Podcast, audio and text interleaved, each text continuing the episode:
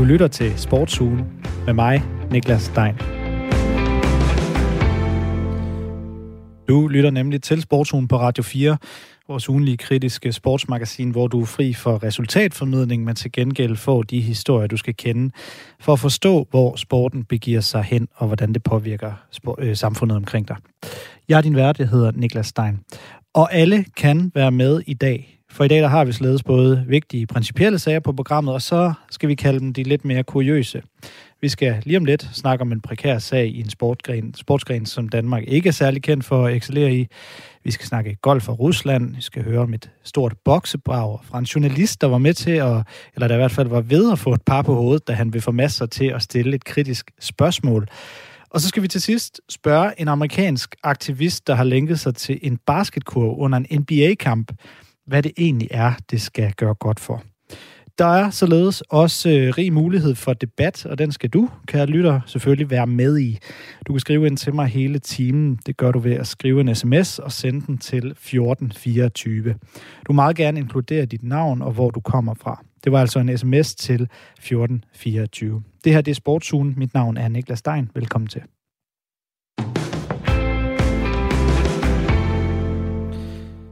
I februar kritiserede den danske skisportsatlet Markus Toft vore de danske udtalelseskrav til vinter-OL, der havde sendt en anden atlet til OL for Danmark, altså en anden end ham. Det gjorde han i en artikel i Politiken. Måneden efter, altså i marts, der fik han så besked på, at han fik to års karantæne fra det danske elitearbejde, der faciliteres af det, der hedder Alpin, Alpint Kraftcenter Danmark, der ligger under et samarbejde mellem danske skiklubber og Dansk Skiforbund. Nu føler Markus Top så, at han er blevet straffet for at bruge sin ytringsfrihed. Det er en kompliceret sag, men også en vigtig principiel dansk sportssag, så den skal det handle om det næste stykke tid. Og det skal det med øh, Jeppe Larsen Brock. Du er sportsjournalist ved Politiken og har skrevet historien her, og det har du sammen med Tobias Kjærulf Nørgaard. God formiddag. God formiddag. Jeppe, Larsen Brock, det ligner jo unægteligt, at den her sag stammer fra et interview, Markus, Tor, øh, Markus Toft, hvor hedder han, øh, som han gav til jer på politikken i februar. Hvad var det, han sagde dengang? Jamen altså, øh, han kommer egentlig med en, en synes jeg, stille og rolig og savlig kritik af de danske OL-udtalelseskrav. Han understreger meget, at det ikke handler om den person, der rent faktisk er udtaget til OL. Han understreger også, at det ikke er fordi, at han vil gå hen og vinde medaljer til et OL. Men han pointerer, at Skiforbundet har lavet nogle krav, der klart favoriserer slalomløbere over styrtløbere, eller det, de kalder teknikløbere over fartløbere. Og det er sådan set fuldstændig faktuelt. Altså det står ganske enkelt i øh, OL-udtagelseskravene, at hvis der er to, der er lige gode, så vil de tage en slalomløber med over en øh, styrtløber. Og når han så er fartløber, så føler han øh, ligesom, at øh, ikke bare føler, men så er der ligesom andre atleter, der har bedre muligheder for at komme til et OL, end han har. Og det er egentlig den øh, øh, kritik, han lufter. Og i artiklen svarer Danmarks Skiforbund så, hvorfor de ser anderledes på det. Så en helt almindelig artikel vil jeg kalde det. Så det han gør er altså at, at skabe, øh, eller komme med sit besøg i en, i en debat om udtalelseskravene. Det er jo som, for lige at få det slået helt på pladsen, at Markus Toft Vore, han er det, man kalder styrtløber. Øh, og øh, ham, der så endte med at komme til vinter for Danmark, Danmark havde en plads, det er, øh, han hedder Kasper Dyrby, og han er så slalomløber. Øh, så altså en debat om OL-udtalelseskrav. Det er for så vidt korrekt forstået. Ja, det er korrekt forstået om strategien øh, som helhed, der sig mere på teknik end på fart. Godt. Og, og hvad skete der så? Hvilken straf har, har, har Markus Toff fået, og hvorfor? Jamen, øh, 11 dage efter den artikel modtager han en skrivelse med 14 kritikpunkter. Øh, de kalder det punkter til disciplinærsag. Øh, og langt øh, de, de største og fyldigste kritikpunkter, det handler om at have snakket øh, med pressen. Øh, og i sidste ende, efter et øh, stærkt kritisabelt forløb i strid med talrige principper om øh, retssikkerhed, ender han så med at få to års karantæne fra elitearbejdet. Det vil sige, at han kan godt stadig stå på ski som privatperson, men han kan miste adgang til noget støtte og til noget til et træningssetup og, og nogle ting øh, via dansk øh, skisport. Øhm, og det, så det er meget sådan det principielle i at give en mand karantæne øh, på den her måde. I et, en proces i strid med, med, med retssikkerhed, siger du. Kan lige præcisere det? Ja, Øh, det kan jeg godt. Altså, der, der er, øh, det er sådan, at øh, Danmarks Idrætsforbund, øh, øh, som AKD, som det her alpine kraftcenter bare bliver kaldt, AKD, øh, de skal i, ifølge nogle papirer også følge de vejledninger, der er fra Danmarks Idrætsforbund. Og Danmarks Idrætsforbund har en, en pjece om eksklusionssager, og det her er jo en, en midlertidig eksklusion på to år. Øh, hvis man gennemgår den, men så er der simpelthen så mange punkter, som den her øh, proces øh, ikke øh, har levet op til. Han har aldrig for eksempel nogensinde fået en skriftlig øh, påtale, før man skrider til, øh, til øh, karantæne. Øh, øh, sagen er så øh, ukonkret beskrevet, at det er svært for ham at vide, hvad det er konkret, han skal forsvare sig mod. Øh, der er, øh, han har ikke været indkaldt til en formel partshøring. Øh, der står ikke klart, hvilke regler han har øh, skulle have forbrudt sig mod. Øhm, øh, der er ikke, han har ikke modtaget nogen klagevejledning, altså hvad kan han gøre, øh, når han er uenig i den her straf. Øh, altså, der er simpelthen så mange øh, punkter. Da han i øvrigt øh, tog kontakt til en, øh, til en advokat for at få juridisk bistand i den her sag, fik han at vide, at det blev betragtet som en eskalering af konflikten. Øh, så man kan sige, hele processen og hans muligheder for at for, for retssikkerhed har også været kritiseret af dem, så, så der er rigtig mange punkter i processen, der har været øh, øh, skidt. Jeppe Lausen Brock, øh, altså øh, journalist på Politiken, som øh, dækker den her sag. Kan du konkludere, at Markus Toft Vore er blevet sanktioneret, fordi han har kritiseret Alpin Kraftcenter Danmark i Politiken? Jeg kan jo i hvert fald øh, konkludere, at øh, det er den klare følelse, han har selv. Det er også den følelse, som et medlem af bestyrelsen i AKD havde. Han trak sig i protest på grund af den her sag. Øh, og der er en masse ting, der peger i retning af, at det har været den helt afgørende faktor. Der er timingen i det. Der er det, at det er de fyldeste kritikpunkter. Han er blandt andet også blevet kritiseret for at have snakket med en journalist fra Ekstrabladet, uden at der nogensinde er kommet nogle artikler ud af det. Øh, der er Øh, de har på et tidspunkt holdt et møde med Microsoft War, hvor langt størstedelen af det, der bliver snakket om, handler om at have medvirket i medierne. Og endelig så kritiserer øh, de ham øh, talrige gange for at have, have skabt tvivl om den atlet, der så rent faktisk øh, var til OL, øh, selvom han gentagende gange har sagt, at det ikke handler om ham. Vi, det skal siges, vi har på politikken også lavet en, en anden artikel, der så tvivl om grundlaget for at udtage øh, øh, den her atlet, Kasper Dyrby, øh, til OL. OL. Han fik en dispensation. Vi kan så noget tvivl om grundlaget for den dispensation. Men det er en artikel, Markus Toft Vore ikke har noget med at gøre. Han medvirker slet ikke i artiklen. Men bliver alligevel forholdt den artikel. Så sådan hele det her spil Øh, alt det her kritik, der har været i medierne, har bare været den drivende kraft øh, i den her sag. Det er det, der har fyldt klart mest. Og, øh, og, ja, og hele timingen, og så ender han med at få en straf, hvor, øh, hvor øh, noget af det, der står i sanktionen, er hans initiativ omkring pressen.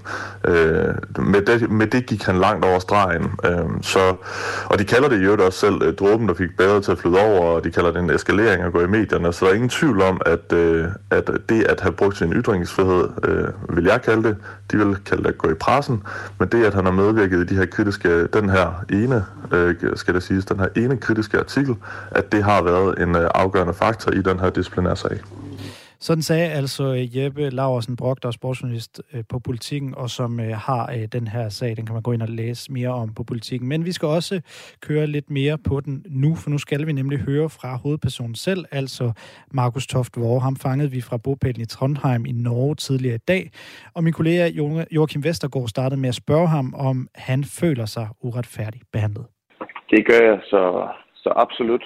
Øh både i, i selve sagen, men, men i særdeleshed øh, behandlingen af den. Altså processen, der har været gennem øh, det her forløb, synes jeg har været meget, meget øh, uretfærdig og dårlig stil. Hvorfor har det det? Jo, men det har det jo, fordi at jeg synes, jeg er blevet øh, straffet for at have gjort brug af min, min ytringsfrihed. Øh, og det er jo, det er jo en ting, men, men øh, selve, selve sagen, den er jo ikke, den er ikke blevet behandlet. Altså, jeg har ikke, jeg har ikke blevet indkaldt til nogen høringer, jeg har ikke fået nogen skriftlig advarsel, jeg har ikke fået nogen klagevejledning. Øh, og jeg har så far, sågar fået at vide, at jeg ikke kan, kan klage i nogen øh, instans, øh, udover, udover til deres egen bestyrelse, som er, som er dem, der, der bestemte sig for det i første omgang. Så, så jeg føler mig, har følt mig meget låst, og, og ikke rigtig kunne, kunne se, hvad jeg skulle gøre. Hvor føler du selv, at sagen og straffen har efterladt din karriere? Ja, men det er jo klart, at, at, øh, at øh, det besværligt gør det jo en, en del, fordi det tager en, nogle muligheder fra mig. Altså, den her sæson, så er jeg, så er jeg tilknyttet et, øh, et hold, som, som det alpine kraftcenter, de samarbejder med, med andre nationer, sådan som Holland og Belgien og, og Island, øh, som jeg nu også er, er udelukket fra. Så det vil sige, at, at til den kommende sæson, så skal jeg, så skal jeg ud og finde et privat setup og prøve at få det, til, øh, det hele til at hænge, hænge sammen på, på en anden måde. Øh, og så er der også lidt økono, øh, økonomi i det, fordi at jeg, jeg får ikke mulighed for at optage, opnå støtte de næste, de næste par sæsoner. Nu har vi jo faktisk fået etableret, at du skal have mulighed for at appellere ved DIFs appelinstans. Kommer du til at gøre det? Ja, den er allerede øh, øh, formelt i gang. Jeg har sendt, øh, sendt dokumenter, og, og nu, skulle, nu håber jeg på, at de vil, øh, de vil tage sagen. Og hvad håber du så, øh, outcomeet bliver på det? Jo, men jeg håber selvfølgelig, at de, de øh, deler mit synspunkt, at man ikke kan, ikke, man kan straffe atleter for, for at rejse en savlig kritik i, i medierne. Og der vil jeg jo gerne også sige, at, at det er jo ikke, øh, det er jo ikke første gang, jeg var utilfreds, og så, så beklagede mig i, i politikken. Jeg havde jo gennem et længere forløb prøvet at, at rejse den debat internt, men der var, jeg følte ikke rigtigt, at der var noget lydhør for mine, for mine synspunkter, og, og ja, måske ikke den, den mest gunstige kommunikation. Så, så til sidst, så var det den eneste vej, jeg så. Kommer du til at gøre et eller andet andet fremadrettet i den her sag her? Nej, altså, jeg har jo, jeg har fyldt meget i, i hovedet, og der har været mange, mange tanker, der har kørt rundt, men øh, hver gang så er jeg kommet frem, frem til det samme, at at jeg synes principielt ikke, jeg har gjort noget forkert. Øh, jeg kan da godt forstå, at man ikke ønsker kritisk presse, øh, men, men det er jo en helt færre debat at rejse, og, og det synes jeg har alt grund til, øh, og al rettighed til. Så, så jeg vil ikke have gjort noget anderledes. Og det vil jeg nok heller gøre i, i fremtiden, hvis det skulle, skulle komme, nogensinde komme så vidt igen, hvilket jeg selvfølgelig ikke håber. Det sagde altså skisportsatleten Markus Toft Vore. Nu går jeg så videre til sagens anden hovedperson, nemlig Alpin Kraftcenter Danmark, der står for elitearbejdet i dansk skisport, og som er dem, der har udstedt straffen på to års kontane fra det her elitearbejde til Markus Toft Vore. Med mig fra Alpin Kraftcenter Danmark har jeg nu formand Michael Hanghøj. Og Michael Hanghøj, er Markus Toft Vore blevet sanktioneret, fordi han har brugt sin ytringsfrihed i øh, politikken? Nej, det er han ikke. Han, øh, i vores, øh, i vores korte kontrakt, der står der klart beskrevet, at man løser problemerne internt, og man bakker op eksternt omkring de beslutninger, som der er taget øh, demokratisk af fællesskabet. Øh, OL-udtagelsen øh, og kriterierne herfor var faktisk et resultat af en demokratisk og jo meget åben proces, hvor repræsentanter fra, fra alle medlemsgrupper herunder markedsklub, og så, så gar hans nærmeste familie i form af bestyrelsesmedlemmer var involveret, så vi pålejer, påpeger det iløjelige i at mene, at man selv skulle være udtaget i stedet for en holdkammerat, så er det altså overhovedet ikke noget, der gør med ytringsfrihed at gøre. Men det betyder noget, og meget forhold, at vi sender et signal om, at man skal opføre sig ordentligt og respektere holdet. Holdet går, går, det går simpelthen forud for individet. Men, men er det ikke at bruge så det er sin... med... Mm. Ja. Men er det ikke at bruge sin ytringsfrihed og øh, stille spørgsmålstegn ved eller kritisere OL-udtalelseskrav? Jo, det er det. Men, men man skal jo bakke lojalt op om, om sin, sit hold, øh, når man gør det. Så hvis man ikke bakker op om de udtalelseskrav, der er, så har man ikke noget at gøre i dansk sport? Det er, ikke, det er jeg faktisk ikke enig med dig i. Altså, øh, jeg synes også, du vender konflikten lidt, fordi konflikten, som vi har, det er jo det, det er en sport. Altså i, i sport, specielt i elitesport, der, det, den er for de fleste drevet af passion. Og vores atleter har en kæmpe engagement over for mig, rigtig meget, endda for at dyrke deres sport. Men med den passion, der følger også følelser. Og så er det jo vigtigt, at vi har nogle spilleregler, som vi bruger, når vi er sammen. Og de spilleregler, dem har vi stimuleret medskrevet i vores øh, code of conduct. Og vores code of conduct, den siger helt klart, hvordan vi skal være sammen på en måde, så vi passer på hinanden. Herunder passer på de frivillige, som vi har i sporten. Det er de spilleregler, Markus ikke overholdt, og det er derfor, der følger sanktioner. Hvis vi ikke reagerer på de øh, brud på spilleregler, så kan vi opretholde vores frivillighed i organisationen. Den vigtige pointe i den her konflikt, det er helt enkelt, hvordan vi finder balancen, hvor vi både passer på atleterne og passer på de frivillige. De frivillige er alt afgørende. Uden dem har vi ingen amatørspor. Så substans i den her konflikt, det er code of conduct, altså vores spilleregler, de er blevet brugt af Markus. Men kan du så forstå, hvis man kan få det indtryk, at han har fået en straf, fordi han har kritiseret jer i, øh, i politikken? Øh, nej, det kan jeg faktisk ikke. Og, og, og lige, lige den omkring sanktionerne. Sanktioner at udelukke Markus for at deltage i træning med vores hold, kommer på at skabe balance i at passe på de frivillige atleterne. Og som eksempel tærer det voldsomt på hold, både de frivillige atleterne og holdkammeren. Når Markus han vælger at kritisere sin holdkammerat udtalelse til OL, mens holdkammeraten nærmest står i startboksen i Beijing. Det er ekstremt skadeligt for det princip, vi arbejder efter. Holdet går før individet. Og derfor synes jeg faktisk også, det skal sige, at Markus allerede i november, altså i efteråret før sæsonstart, meldte ud, at han ikke ønskede at deltage i AKD's træningssetup, udover på dagsbasis. Og han også kun har benyttet AKD's tilbud i meget begrænset omfang i indeværende sæson, og i øvrigt aldrig før denne sæson. Og så er det jo ret begrænset, hvilken forandring sanktionen i realiteten betyder for ham. Men... Så er sanktionen, den skal mm. også ses som en principielt sag, i det Markus ikke har overholdt øh, code of der med vores spørgehælde. Og så er vi nødt, det er simpelthen nødt til at reagere på. Men nu nævner du, du nævner frivillige, og øh, man skal, at han har kritiseret sin holdkammerat osv., men, men har vi ikke også, altså vi har at gøre med nogen, der skal til vinter-OL, altså en af de største sportsbegivenheder overhovedet, at vi har at gøre med eliteidræt. Altså handler det ikke også om at komme foran og øh, altså, kritisere, hvor kritiseres kan osv.? Handler vel ikke om bare øh, at være gode venner alle sammen? Øh, det er jeg ikke enig med dig i. Jeg mener, hold, det kommer, det kommer, det kommer over individet, og så som jeg sagde før, så øh, OL-udtagelsen, den er, den er lavet på en demokratisk proces. Øh, alle klubberne har deltaget, repræsentanter fra alle medlemsklubber har været med. Hans nærmeste, så, så der er hans nærmeste familie i form af bestyrelsesmedlemmer har, har været involveret. Så, så, så den, den demokratiske proces, den, den mener vi, man skal respektere, og, og det er også det, det vi har beskrevet i vores, vores korte grønne, og de spilleregler, vi bruger. Så øh, her, hvor vi nærmer os øh, slutningen af interviewet, øh, Michael Hanghøj fra øh, Alpin Kraftcenter Danmark. Når du kigger tilbage, har I håndteret den her sag korrekt? Uh, vi er i gang med at etablere et ordensudvalg nu. Det har vi forsøgt på for to år siden, hvor vi ikke kunne få, få, få frivilligt til det. Øh, vi har sat i gang i det igen. Vi har sat skub i det igen her, og vi har fået, fået lovning for opbakning fra, fra Danmarks Skiforbund med at få etableret et, øh, et, et, et ordensudvalg på tværs af alle disciplinerne. Så, så, så ja, der, er, der kommer forbedringer, men det er også en frivillig proces, vi arbejder i. Øh, så, så, så tingene kommer vi, vi nogle organisationer, der ligger sporene, som vi kører. Så man spørger på en lidt anden måde. Hvad har I lært af den for så vidt? At vi gerne vil have en, øh, øh, altså processen, altså hvis vi tager processen i det hele taget, så, så vores, vores, vores verden er jo for, for foreningsverden baseret på fællesskaber. Vi er meget få ansatte og rigtig mange frivillige, og vi er dybt afhængige af det frie indsats for, at det altid fungerer. Uden dem har vi ingen sport.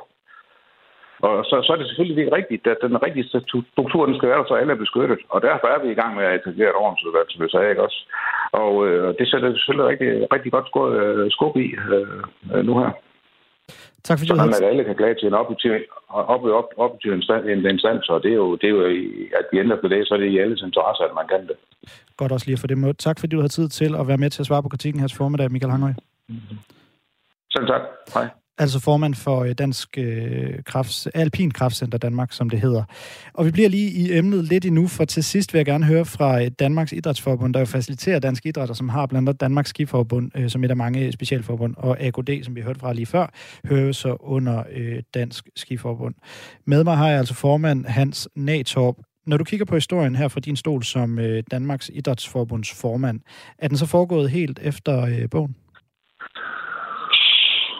Øh, jeg kan jo konstatere, at, øh, at øh, Markus ikke har fået en, en, en klagevejledning og har fået en besked om tværtimod, at, at øh, han ikke har nogen mulighed for at klage, og det er jo i hvert fald en fejl.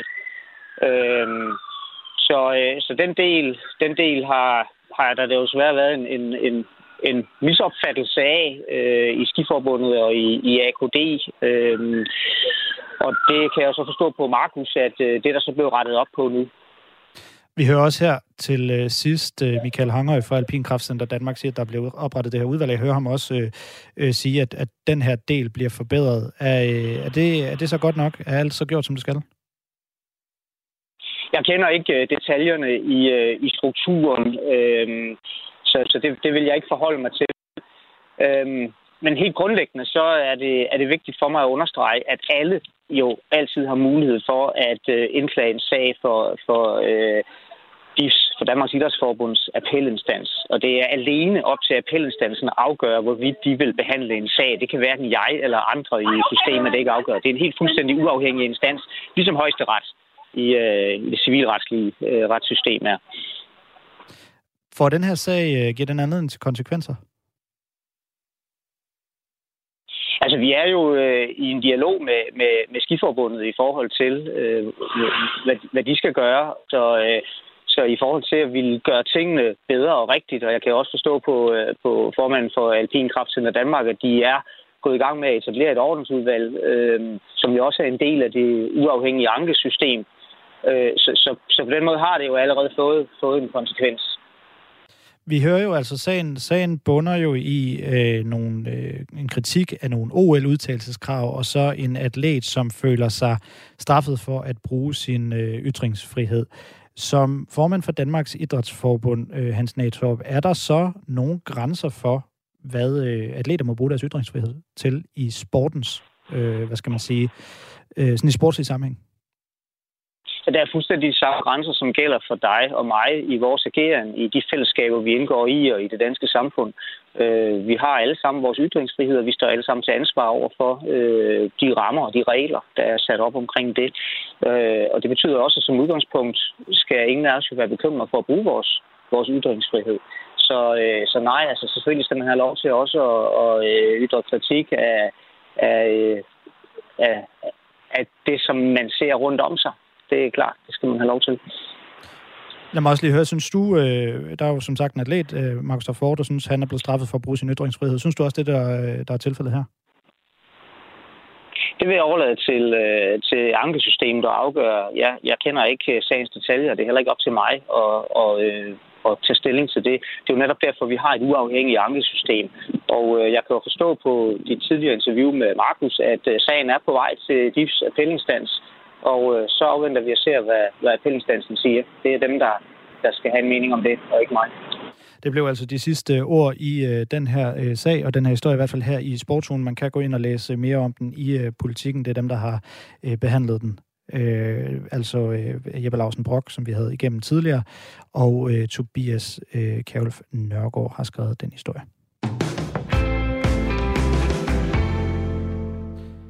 To måneder efter den russiske invasion af Ukraine, der har skoproducenten Eko stadig 250 åbne butikker i Rusland. Senest der har sportstøjsvirksomheden Sport24 så stoppet salget af Eko-sko. Den sønderjyske skoproducent Eko er en af kun fem danske virksomheder, der endnu ikke har trukket sig ud eller stoppet produktionen i Rusland. Vi har de seneste dage her på Radio 4 undersøgt, hvordan Eko-virksomheden er filtreret ind i dansk golf på flere forskellige områder. Eko sponsorerer nemlig, øh, sponsorerer nemlig flere danske golfspillere, det er blandt andre Nana Kørts Madsen og Niklas Nørgaard Møller. Og Eko er hovedsponsor for den danske golfturnering, som pudsigt nok hedder Eko Tour. Og det er en virksomhed, øh, undskyld, en øh, tur, som den danske virksomhed Golf Promote arrangerer. I den forbindelse, der vil vi gerne have de forskellige aktører i tale til et indslag i dagens program. Det lykkedes os at få lavet aftale med Flemming Astrup, der er ejeren af Golf Promote, som altså, som jeg nævnte før, arrangerer Ekotur. Og her til morgen, der sprang han så desværre fra. Han havde ikke lyst til at medvirke. Han sendte os i stedet nogle skriftlige svar, som jeg lige læser op her. Vi spurgte ham blandt andet, hvordan han forholder sig til, at Golf Promotes hovedsponsor bliver i Rusland, og til det svarer han, jeg fordømmer invasionen på det kraftigste, men vi har ingen indflydelse på vores partners forretningsbeslutninger. Men vi følger deres situation omkring Eko og Rusland intenst. Golf Promote har været i dialog, dialog med Eko, men Flemming Astrup ønsker ikke at uddybe, hvad det indebærer. Han tilføjer, at det er problematisk, at Golf Promote kan blive associeret med Rusland, men at han har svært ved at se det ske. Til slut, der spurgte vi ham så, om Golf Promote vil fortsætte samarbejdet med Eko, hvis altså Eko bliver ved med at være i Rusland, og til det svarer han, ja, vi har ingen andre muligheder end at opfylde vores kontraktlige forpligtelser. Alt andet vil betyde lukning af turen. Og ejeren af Golf Promote er ikke den eneste, vi forsøgte at få en aftale i hus med. Lars Bok Christensen, der er formand i Dansk Golfunion, han meldte også fra i morges desværre. Og han begrunder det med følgende. Det er bedre med nogle spørgsmål på skrift. Svarene de bliver bedst på den måde. Lars Brock har ikke skrevet tilbage på de spørgsmål, vi så har sendt, og det vil i øvrigt også være lidt dårlig radio. Vi har også henvendt os til Nana Kørts Madsen og Niklas Nørgaard Møller. Ingen af dem har svaret.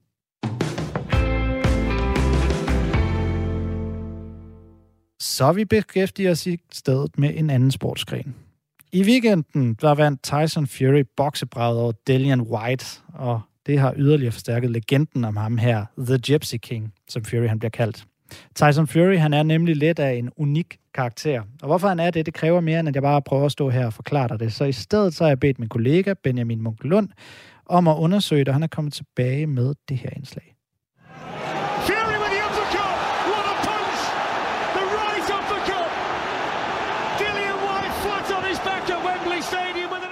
Den britisk-irske Tyson Fury kan stadig kalde sig verdensmester i sværvægtsklassen, efter han lørdag aften sendte modstanderen Dylan White i gulvet med et uppercut, der kunne være taget ud af boksningens lærebog. Foran 94.000 mennesker på Wembley Stadium i London vandt han den kamp, han selv har kaldt karrierens sidste. Så lad os lige se lidt tilbage på den rutsjebanetur af en karriere, der har gjort Tyson Fury, eller The Gypsy King, som han også kaldes, til den han er.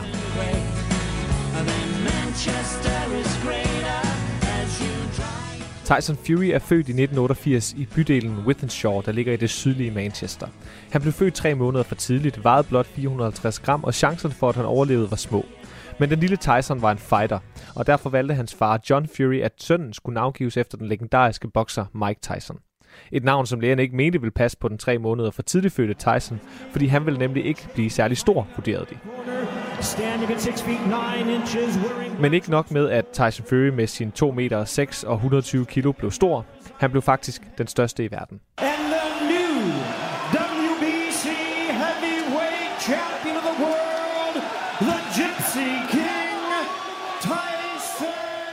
Fury var en dygtig bokser allerede som teenager. Han blev professionel som 20-årig og steg hurtigt i graderne i England, hvor han vandt den nationale sværvægtstitel i 2011. Fire år senere, i november 2015, udfordrede den 27-årige Fury verdensmesteren i sværvægt, Vladimir Klitschko, og vandt på en enstemmig beslutning fra dommerne. Efter kampen roste Fury sin modstander, men samtidig var han nødt til at forsikre omverdenen om, at den nye mester var kommet for at blive. He's been a great champion, but like I said in the past, every good dog has its day. And that day was tonight for Vladimir Klitschko. Tonight's the start of a new era, a new champion, and I'd said I've been the most charismatic champion since Muhammad Ali. Men sådan går det ikke helt. Kort tid efter kampen mod Klitschko får Fury frataget sin titel. I kontrakten med Klitschko er der nemlig et krav om en revanchekamp. En revanchekamp, som Tyson Fury ikke kan leve op til. Kort efter titelkampen får han nemlig en depression. Og problemer med det mentale helbred, problemer med stoffer og alkohol, betyder, at han tager godt 40 kilo på, og i mere end to og et halvt år bokser han ikke en eneste kamp. I 2016 fortæller Fury til amerikanske Rolling Stone Magazine, hvordan selvmordstanker fylder hans hverdag, og hvordan penge og berømthed ikke kan hjælpe med at tæmme de indre dæmoner, han kæmper med. En personlig krise, som han ikke er bange for at dele med verden. Her på den verdensberømte podcast, The Joe Rogan Experience. I'd wake up and I think, why did I wake up this morning? This is coming from a man who had everything money, fame, glory, titles, a wife, a family, kids, everything. But I felt as if I had nothing. I felt there was an empty, gaping hole det oplevede danske Claus Christensen også for nogle år siden, da han var en tur i byen i Aarhus. Her møder han Tyson Fury på den autentiske og skotsk inspirerede Sherlock Holmes bar, og han var ikke lige frem i kampform, fortæller Claus.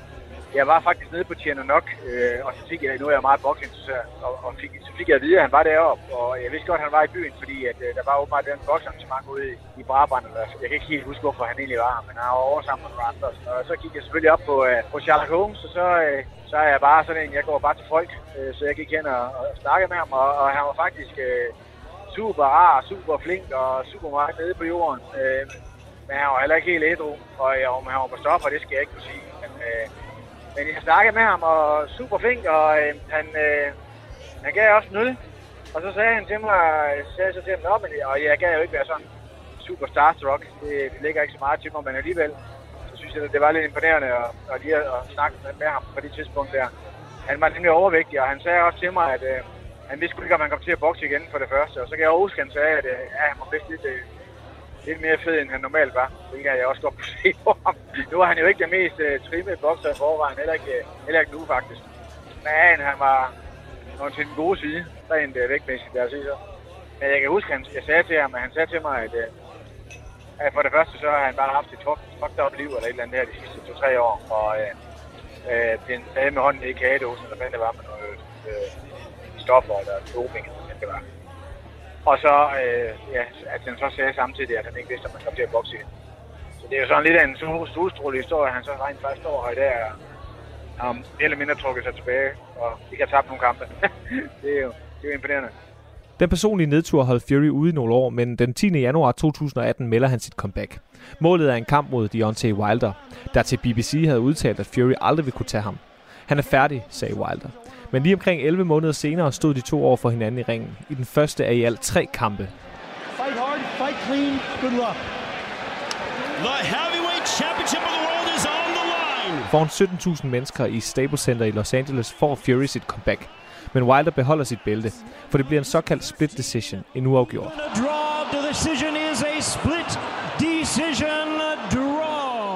En skuffelse for fans i hallen, der ud fra tilråbene at dømme havde Fury som vinderen. Men ikke desto mindre bliver kampen en seriesucces og en kommersiel succes, og Fury får langsomt skabt sig et navn i Las Vegas, verdens Showtime-hovedstad. Her bokser han et par kampe, inden han den 22. februar 2020 går i ringen igen mod Deontay Wilder. Han har noget at bevise, og det gør han. As the Gypsy King is the new heavyweight champion of the world. Godt halvvejs ind i kampen kaster Wilders team håndklædet i ringen, og Fury kan smide armene i vejret. Han tager billedet fra Wilder i det, der er mange kaldes det største comeback i sværvægtsboksningens historie. Den 9. oktober går de to i ringen igen, og Fury cementerer sin status som tidens bedste sværvægtsbokser. Trilogien er afsluttet, og han vinder endnu en gang over Deontay Wilder. Uh, it was all a dream. I used to read Word Up magazine. Salt and pepper and heavy D up in the limousine. Hanging pictures on my... Fury er på top. Mentalt og fysisk, privat og professionelt. Mentally, physically, emotionally, I'm in fantastic shape. Men inden karrierens sidste kamp, altså den mod Dillian White, som han vandt i lørdags, begynder rygterne at florere i sportens verden. Den berygtede irske Kinnahan-familie, som har en stor andel i hele Europas ulovlige narkohandel, har haft en finger med i kampen mod White. Og det er ikke helt ud af det blå, fordi Tyson Fury er ved flere lejligheder blevet set sammen med Daniel Kinahan, en af lederne i gangsterfamilien, og senest i februar blev de to fotograferet sammen. Daniel Kinahan er også stifter og ejer af det tidligere promoterfirma MTK Global, som repræsenterede Tyson Fury indtil 2020. Fury selv kalder rygterne for rubbish og mener ikke, at et par billeder og det tidligere partnerskab behøver at have en større betydning. What a man does in his own business is none of my concern. I'm a boxing man. I don't get involved in anybody's business at all. Forbindelse til Kinahan eller ej, Tyson Fury vandt karrierens sidste kamp og stoppede altså på toppen. En lang karriere, der har budt på en del titler. very proud of. I've won two English titles, two British titles, two Commonwealth titles, the Irish title, the European title, WBO Intercontinental, WBO International, WBO Super, WBA Super, IBF, IBO, Ring Magazine, Lineal, WBC, WBC Mayan, WBC Global. I've won every belt there is to win. There isn't nothing more I can do. I've won every belt in the game. If this was a computer game, it would definitely be completed, for sure. Hvad fremtiden byder på for Tyson Fury er endnu uvist. Men noget kunne tyde på, at han her til en start vil nyde det gode liv med familien. Ovenikøbet som en rigtig familiemand. Der gik nemlig ikke mere end et døgn fra han stod foran 94.000 mennesker på Wembley, til han sammen med sin træner stod hjemme i privaten og sorterede sit affald, inden det skulle køres på lossepladsen. From 95,000 at Wembley, heavyweight championship of the world to me and Sugar doing the bins. Straight back off the motorway on our own.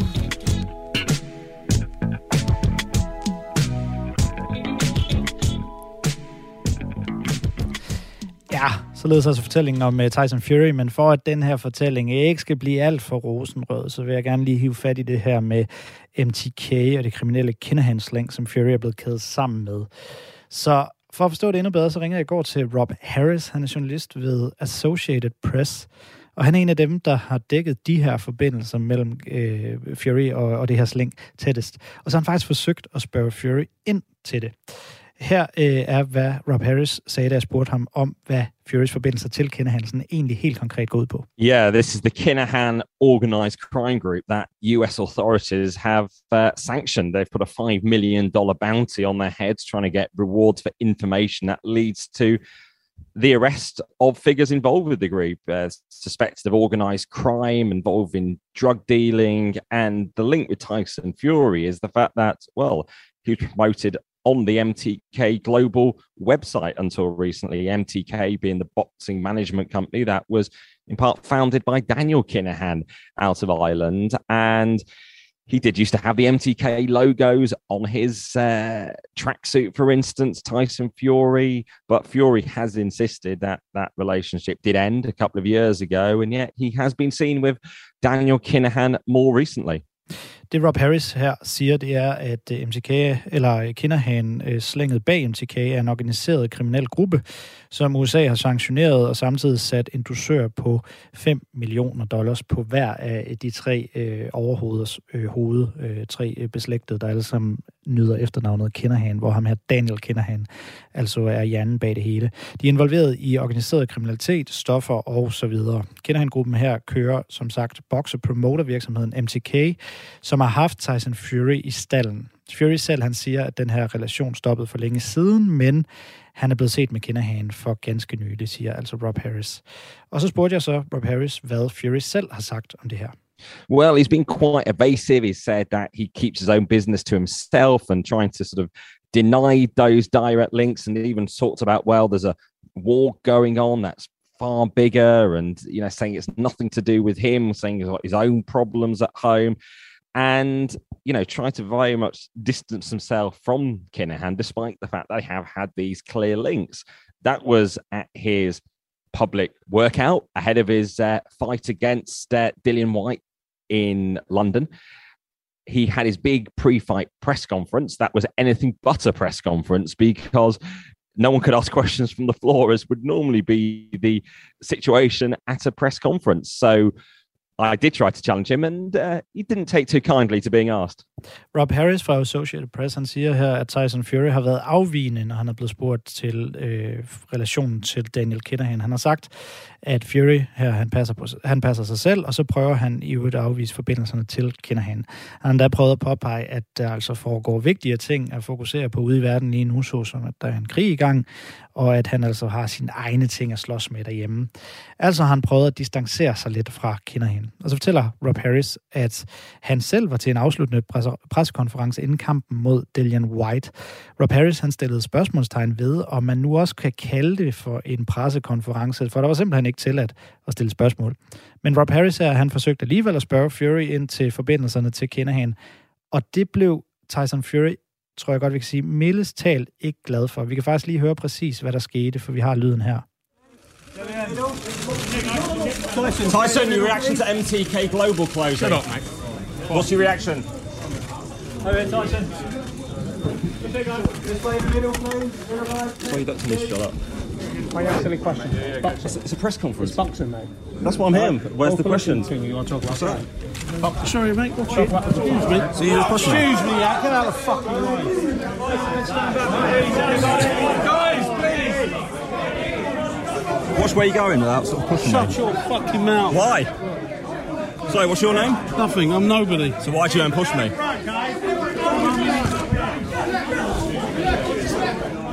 Ja, det vi altså kan høre her, det er Rob Harris, der forsøger at spørge øh, Tyson Fury ind til Daniel Kinahan, hvor efter Fury han selv bliver sur.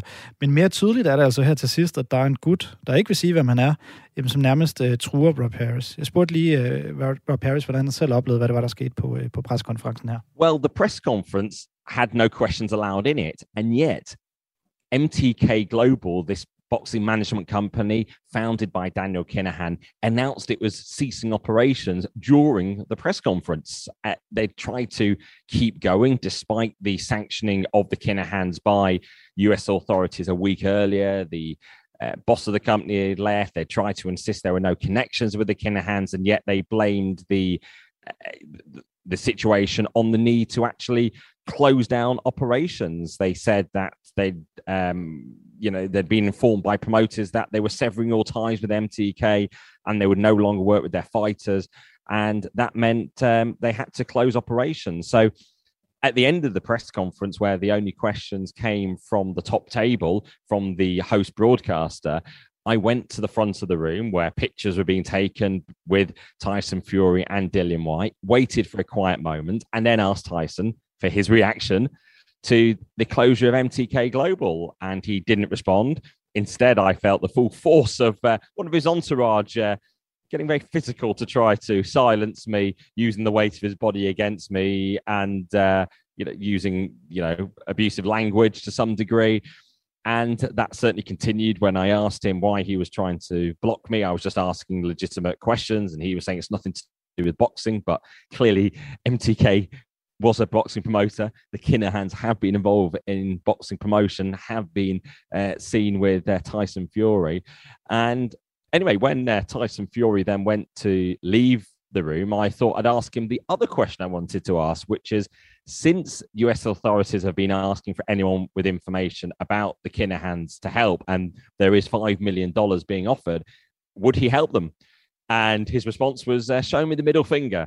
So uh, no chance to sort of engage in a in a full dialogue there at this uh, press conference where the media assembled couldn't actually ask any questions in the usual format. Rob Harris fra Associated Press hedder det. Han siger her, at uh, nyheden om, at MTK, som kender han jo altså øh, stiftet, uh, at de lukkede, det kom ned simpelthen midt under den her øh, pressekonference, hvor man ikke måtte stille spørgsmål. Da pressekonferencen så skulle til at slutte, så prøvede Rob Harris alligevel at gå op foran i rummet mod det bord, hvor Tyson Fury han sad, for at kunne stille spørgsmålet om MTK til Fury. Og så var det altså, at en fra Fury's Slang, han blev truende i både sin fremtoning og sine ord, og hvad man så ikke kunne høre på lydklippet her, øh, det var, at Rob Harris havde endnu et spørgsmål til Fury. Harris han spurgte nemlig øh, Fury, om ikke han vil hjælpe de amerikanske myndi- myndigheder med informationer, når nu der var sat en øh, dusør på 5 millioner dollars på Kinahans hoved. Øh, I hvert fald i forhold til at få informationer, der kunne føre til arrestationen af Kinahan. Og Furys svar, det var så at give Rob Harris fingeren.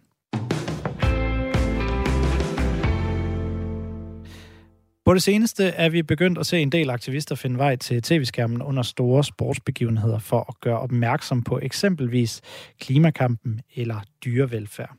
En ung mand har spændt sig fast til en målstolpe under en øh, Bundesliga-kamp i fodbold.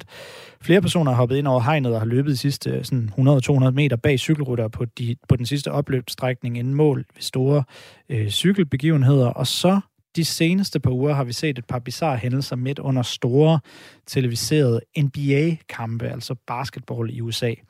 Først der så vi i forrige uge en kvinde lime sig fast til gulvet under en kamp mellem Los Angeles Clippers og Minnesota Timberwolves, og ugen efter lænkede en anden kvinde sig fast til en af de to basketkurve under en kamp mellem, igen, Minnesota Timberwolves og Memphis Grizzlies. I de her to sidstnævnte episoder, der går Minnesota Timberwolves altså igen, og det er fordi aktivisterne i begge de her tilfælde gjorde det for at protestere mod holdets ejer. Det er ham, der hedder Glenn Taylor. Han ejer nemlig kyllingefarmer, og der er blevet kritiseret for, han er blevet kritiseret for sin håndtering af dyrevelfærd på de her farme. Det lykkedes her på Sportsugen på Radio 4 at finde frem til en af aktivisterne, nemlig Zoe Rosenberg. Det var hende, der lænkede sig fast til basketkogen i den eksempel, jeg nævnte her til sidst. Og hende ringede jeg til i går for at spørge, hvorfor hun egentlig gjorde det. I chained myself to the basketball hoop at the NBA playoffs because Glenn Taylor, um, the governor of the Timberwolves basketball team, actually owns a factory egg farm that recently roasted 5.3 million chickens alive in a process called ventilation shutdown, which is essentially where the ventilation in a barn så Rosenberg her, hun fortæller, at hun gjorde det, fordi Glenn Taylor, som også er guvernør for Timberwolves, øh, han er både guvernør og ejer af Timberwolves basketballhold. Han ejer også en æggefarm, som ristede, siger Zoe Rosenberg, 5,3 millioner levende kyllinger i en proces, der bliver kaldt ventilationsnedlukning. Det vil sige, at ventilationen i en lade, hvor de her høns er, den simpelthen bare bliver lukket ned, og varmen bliver skruet op, og dyrene de lider og overopheder, indtil de dør. Research viser, at det minder om, hvordan det føles at dø i en varm bil. Så der er stor lidelse og smerte, og undersøgelser viser, at der er fugle, som overlevede ventilationsnedlukningsprocessen, så gik de simpelthen igennem den ledelse og overlevede. Og det er muligt, at mange kyllinger formentlig bliver begravet levende, og det er ulovligt i staten Iowa, som er der, hvor farmen ligger.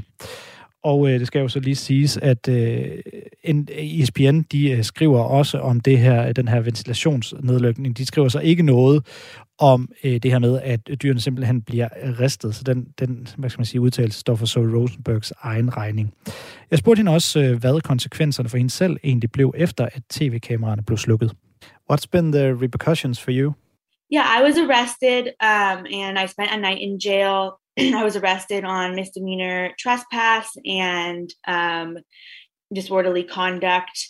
But, you know, I think it's a small sacrifice on my end to make um, in light of, you know, just the massive amount of suffering um, that Glenn Taylor and his egg farm have caused. Så i Rosenberg, hun fortæller, at hun blev anholdt og tilbragt en nat i fængsel. Hun blev anholdt for ulovlig indtrængende og urolig, urolig adfærd, men jeg synes, det er et lille offer for mig at begå i lyset af den enorme mængde lidelse, som Glenn Taylor, hans æggefarm, har påført, siger hun. Og derefter spurgte jeg hende, hvorfor hun egentlig gør det ved en basketballkamp. I know uh, he's the owner of uh, the Timberwolves, uh, Glenn Taylor, but, but, but why a basketball game? Yeah, so Glenn Taylor is at um, most of the basketball games, so he has seen our protests, and also, you know, when we protest these basketball games, we're able to reach the world because these are, you know, nationally televised events, and people see the message and they understand why it's so important that. Så Rosenberg siger her, at Glenn Taylor, øh, altså ejeren af Timberwolves, selvfølgelig er til de fleste basketballkampe, så han ser protesterne. Og når vi, siger så Rosenberg, øh, protesterer til de her basketballkampe, ja, så når vi ud til hele verden, fordi de bliver vist i hele verden. Og mennesker, der ser budskabet og forstår, hvorfor det er så vigtigt, at Glenn Taylor bliver presset af offentligheden til at træde tilbage som guvernør for, for, øh, for Timberwolves, han fik over 11 millioner dollars i statstilskud for at riste, som hun altså kalder det, de her 5,3 millioner kyllinger. Og vi vil have offentligheden til at bakke os op og lægge pres på ham til at donere pengene til offentlig velgørenhed eller til dyrebeskyttelse, fordi vi ikke kan bringe de her kyllinger tilbage. Men han kan i det mindste bruge de penge til at hjælpe dyr og mennesker, som stadig er i live, da det kan gøre en lille forskel, siger altså and Zoe. you know that could you know at least make some some amount of a difference. Og dernæst spørger jeg hende, om hun selv så har hørt fra Glenn Taylor, som jeg selvfølgelig går ud fra, at det, der er formålet. Did you then hear anything uh, afterwards from Glenn Taylor or any, anyone from his organizations or this like? Uh, Glenn Taylor, as far as I know, has not really made any official uh, comment or Så Rosenberg, hun siger, at Glenn Taylor, så vidt hun ved, ikke er kommet med en officiel udmelding. Der har været tre kampe med protester i lørdags. Øh, sidste kamp, der var han der, og så var det kampen i øh, øh, går, hvor han ikke var der. Men rygtet siger, at han ikke, undskyld, han, han ikke var der i, i går, øh, hvilket så er i øh, forgårs, da jeg snakkede med Saul Rosenberg i går. Så han har helt sikkert mærket presset, og måske vil han slet ikke møde op til kampene længere. Jeg spørger så Saul Rosenberg, øh, hvorfor, hvorfor hun ikke prøver at gøre det her på en mere, skal vi kalde det, civiliseret måde. Altså, hvorfor være en ballademager sådan her? Why not try to call for action sort of in a more civil way, you know, uh, trying to get in touch with Glenn Taylor, write write his him or, or his organization's email, or do it in the more, yeah, the more civil way. Yeah, so I mean, of course, we would be more than happy to have like you know sit down and have a conversation with Glenn Taylor um, if he was willing to to have that conversation. Og så i Rosenberg, hun siger, ja, altså selvfølgelig vil vi blive mere glade ved at sætte os ned og snakke med Glenn Taylor, hvis han altså ville det. Men desværre så er han milliardær, og han vil ikke gå i dialog med os. Vi tror på, at hvis der sker noget uretfærdigt i verden, så har vi et moralsk ansvar til at gøre noget ved det, selvom det betyder at være lidt på kanten og skabe en scene eller rokke ved både, fordi det skylder vi dyrene, som lider at gøre det for dem, og være sikker på, at vi så snakkede om det her problem. Forhåbentlig kan vi på et tidspunkt enten sætte os ned med Glenn Taylor, eller få ham til at gøre det rigtige og indrømme det, vi gerne vil have ham til. get this issue on the table and that you know hopefully at some point um, either we can sit down with glenn taylor or we can get glenn taylor to do the right thing um, and you know concede to our ask Og så her til sidst øh, spørger jeg øh, Zoe, Cro- øh, Zoe Rosenberg, øh, hvorfor hun egentlig kalder det at lave en scene. Altså er det ikke at lave en kriminel handling for at sætte fokus på det, hun selv synes er en anden kriminel handling? You're calling it making a scene, but but isn't it it's making a criminal action when you're getting uh, arrested afterwards? Making a criminal action to trying to make focus on another criminal action. yeah I, I guess i think you know that um, you know, nonviolent protesting is really not something that can be compared to criminal animal cruelty, in my view. Um, Jo, altså, siger Zoe Rosenberg. Jeg tænker, at ikke-voldelige protester ikke kan sammenlignes med dyreplageri. Det er mit synspunkt. Hvis man foretager sig protester med civil ulydighed for at skabe opmærksomhed på det problem her, selv hvis det teknisk set er noget, som man bliver markeret som en kriminel handling, ja, så tror jeg, at det er noget, der bliver gjort ud fra en fornemmelse af moralsk ansvar og en type retfærdighed, i modsætning til at riste 5,3 millioner kyllinger levende i virksomheders grådighed og virksomheders magt.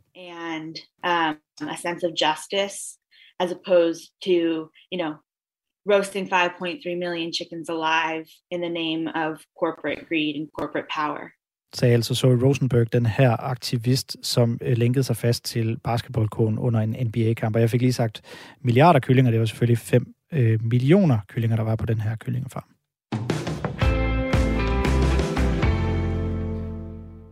Vi nærmer os slutningen på sportsugen, men inden vi når dertil, skal vi lige snakke cykling, for byrådet i Vejle Kommune har besluttet, at de ikke vil jagte et World Tour løb alligevel. En øh, sag eller proces, vi har fulgt her i sportsugen, så den skal vi selvfølgelig lige følge til dørs.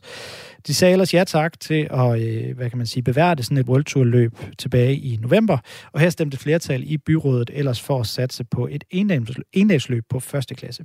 I sportsugen i øh, starten af november, der talte med Martin Sikær, som er en del af byrådet i Vejle for Socialdemokraterne, og han kommenterede på den estimerede pris på et World Tour løb. Det lød sådan her. Øh, det vi har sagt ja til, det er de 100.000.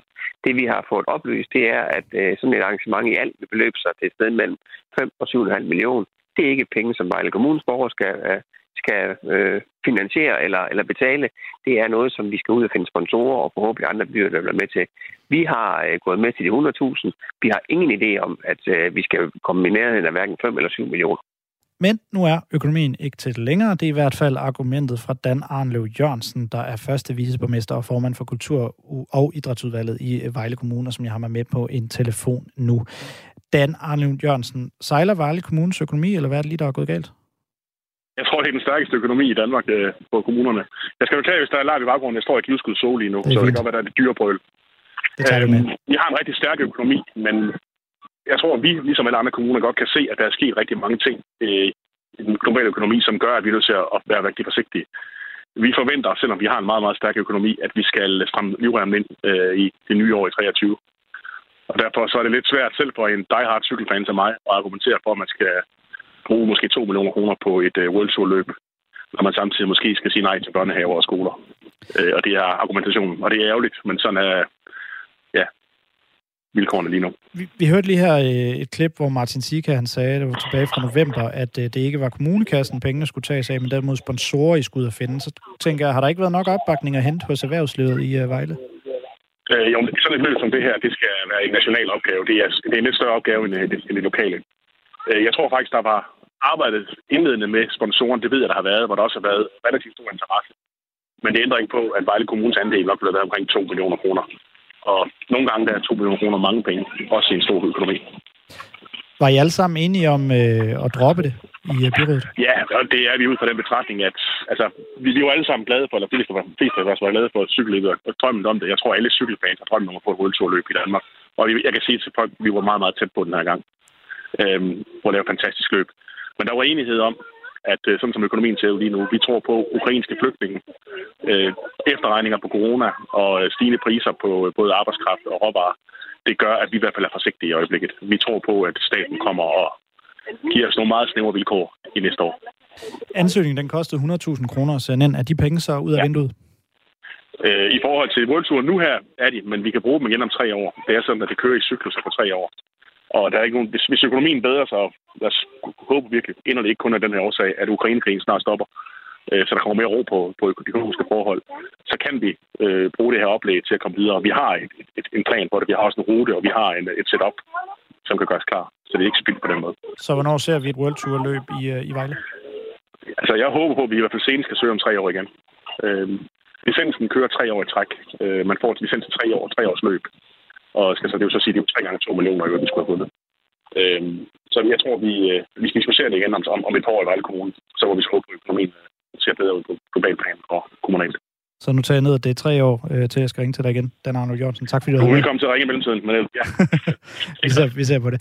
Jeg siger tak til Dan Arnold Jørgensen, som altså er øh, første viceborgmester og formand for Kultur- og Idrætsudvalget i Vejle Kommune.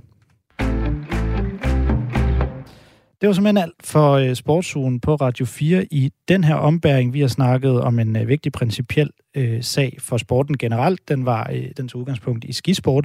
Så vi snakkede om boksning, golf, NBA og høns, og her til sidst cykelsport. Du kan gå ind og finde øh, sportsugen og følge sportsugen fremadrettet inde på Radio 4's app. Vi har nemlig fået en ny en, så den synes jeg lige, du skal gå ind og hente i din App Store eller Google Play, eller hvad det nu er, du bruger. Jeg har været din vært. Jeg hedder Niklas Stein. I næste uge, der er Claus Elgård tilbage. Du kan skrive ind til mig, øh, hvis du synes, der er en historie, jeg skal tage op på nick radio 4dk eller til hele redaktionen på sport radio 4dk Nu er der nyheder.